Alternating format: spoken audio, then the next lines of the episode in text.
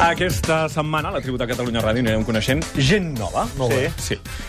I ara coneixerem l'Isaac Salvatierra. Un aplaudiment, per favor. Visca l'Isaac. Bona tarda. Isaac, com estàs? Molt bé. L'Isaac és sotscap de l'ara.cat Oh, carai. i des d'avui, a més a més, té un altre càrrec, que és el nostre expert en xarxes. A les xarxes. Em fa molta il·lusió. Home, i a mi més. A mi més, Isaac. Um, quan diem expert en xarxes vol dir que no ens vindrà a explicar Facebook. coses tècniques d'internet, sí. no, sinó que ens vindrà a explicar històries, sí. les tres històries més interessants que ha conegut al llarg de la setmana a través de les xarxes. És això, no, Isaac?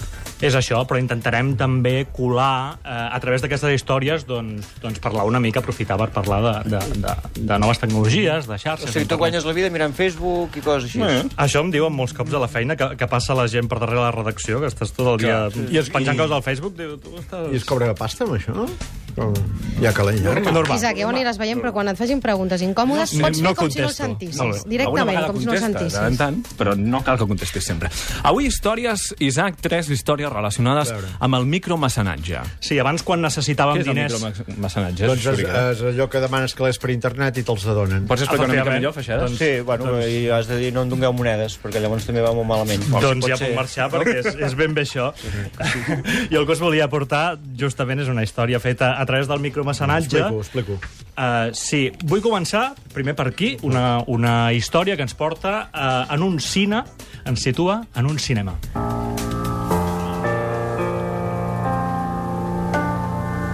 Això és... Coneixeu aquesta banda Això és sonora? de la Passola, Un moment. Això és de li, li dona passar la, la No, persona... no, no, fred, És una fred. mica més antiga, la Ha pel·lícula. de sonar una mica més. Ah. Tia, la que l'havien de ser llavor. Ja, calleu. És molt mítica, eh? És un clàssic. Rocky. Digue'ls, digue'ls. Cinema Paradiso. Cinema Paradiso. Paradiso. Sí, Em la semblava. història del Sí, Salvatore i està l'Alfredo. Mm, Sabeu quants anys fa de la pel·lícula? 60. 25. 27. 25, 25 en fa menys, però ja és un clàssic sí. i justament aquest divendres es restrena a les sales de cinema aquest clàssic de, de, del cine. saben què Uh, mm, sabeu de què anava, no, la pel·lícula? I tant, home, és allò de... és que jo l'he que vist llavors poder ell se'n 17 va vegades. i ell plora i bueno, tot Sí, allò. doncs jo us volia parlar d'un cinema paradiso que és a Catalunya, que és dels pocs cines de poble que queden, es diu Cinema Alhambra i és a la Garriga, al Vallès Oriental. És una sala de cine com aquestes, com, com les d'abans, d'estil clàssic, com un teatre, és de l'any 1928. Cuevas I el coneix, Cinema Alhambra ha Sí, no? reobert aquest Sí, no m'ho digui, anava a dir, tancada, segur, perquè totes aquestes Clar, sales estan clar, clar, tancades. clar. Per problemes estructurals, mm. perquè s'havia de digitalitzar tota la sala mm. i faltaven diners per canviar mm. doncs, eh, la pantalla, l'equip de so i sobretot el, el projector. I el gerent eh, va dir "Mm, he de tancar perquè no, no, no, no tinc diners i això va fer que es mobilitzés la, gest, la gent de Sos Alhambra i del Cineclub de la Garriga es van moli- mobilitzar farà un any i van engegar una campanya de micromecenatge per canviar el projector de 35 mil·límetres. La història té final feliç perquè divendres passat al cine estrenava El Niño de Daniel Monfont amb un projector nou.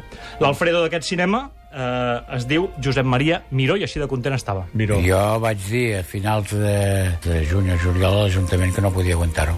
Primer hi havia problemes per aconseguir còpies amb, amb analògic, amb 35 mil·límetres i que els números no sortien i que no hi havia manera. I després l'Ajuntament em va dir que no, que fem els Oh, possibles per ajudar-te. Em van donar moral. Els del Cineclub també van ser els que van dir que això es tenia de fer alguna que no es podia tancar. I entre tots hem aconseguit això, Sí, sí, aquest jo- jo... miracle. Sí, i Això és Josep... un miracle, eh? No, no, no, sí, ho entenc perfectament. I quan, quan heu recaudat amb això del micromecenatge, Josep? És que el Josep. Josep Maria Miró estava gravat. Vull dir que només teníem aquest trosset. Home, doncs Però si ja- li preguntes ara no. Dieu-m'ho, això. No Dieu-m'ho, contesta. perquè he quedat com un dròpol, també. Eh? Però ja t'ho contesto jo, són 50.000 euros els que faltaven Eh? eh? uh, per canviar el projector. El que passa que després es va espatllar tot perquè a sobre hi havia problemes estructurals i encara van faltar molts més diners, 240.000 euros. Que això sí que- 240.000 al final? Qui els Sí, hi el ha que posat, passa que aquests? per micromecenatge se n'han recollit 50.000. La resta els ha posat doncs, l'Ajuntament, el gerent, la propietat, una mica entre tots. Ja. Però la clau d'aquí és que aquests 50.000 euros que feien falta s'han recollit en molt poc temps gràcies a una plataforma que es van muntar ells eh, de micromecenatge que tu entres i podies apadrinar Mm. Són cadires. maques. Aquestes històries humanes són maques. Sí, ara el que hem de fer és micromecenatge cada setmana, perquè al final Vinga, vinga, pagar, pagar, ja està pagar. restaurat, però cal que això tingui un ús, cal que el cinema s'ompli cada setmana i només així es garantirà la supervivència. Cine Alhambra de la Garriga, si voleu anar-hi, busqueu la pàgina i podreu consultar la cartellera. Més coses que es poden salvar amb el micromecenatge. Doncs moltes coses, per exemple el periodisme, se n'ha parlat molt, però és un dels projectes més exitosos aquí a Catalunya, l'anuari Mediacat del grup Bernils, Cada any financen, gràcies a petites aportacions ciutadanes, un recull de reportatges incòmodes, de temes que el grup Bernils considera silenciats pels grans mitjans. L'últim anuari van aconseguir recollir 10.500 euros a través de la plataforma Verkami.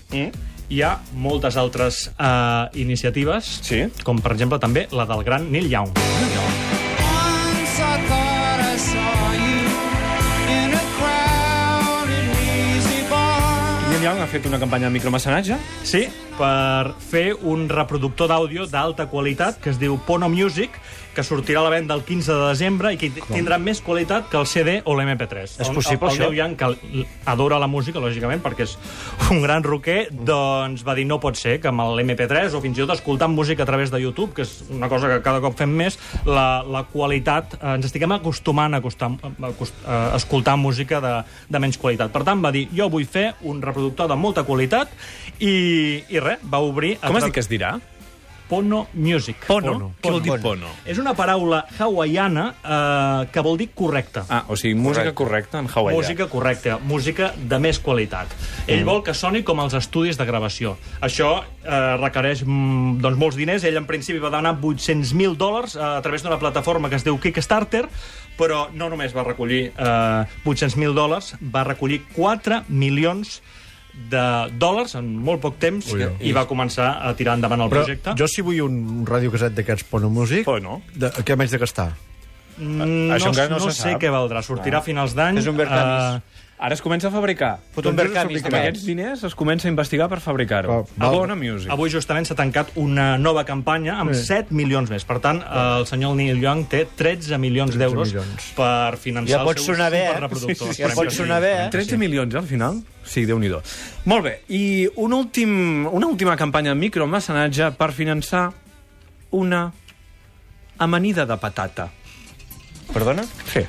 Ja m'explica-m'ho bé, això. Ja, m- ja, Sí, sí, una amanida de patata. A internet tot és possible. Sí. Sí. La història més impressionant d'aquest estiu és la de Zach Brown, que és un jove d'Ohio, dels Estats Units, que va dir, vull fer una amanida de patata. Mm, sí. Una amanida, no sabem ben bé de quin tipus, pel que es veu a la foto del Kickstarter també, sembla tipus alemanya, amb salxitxes i cocombrets i Sí, tal. sí. I, I va dir, doncs, mig en broma, bé, totalment en broma, va penjar el projecte i la seva sorpresa és que no només va recaptar eh, 10 dòlars, que és el que demanava inicialment per les patates i les salxitxes, sinó que ha aconseguit, atenció, recaptar Ah, 55.492 dòlars. Bravo, bravo, sí senyor.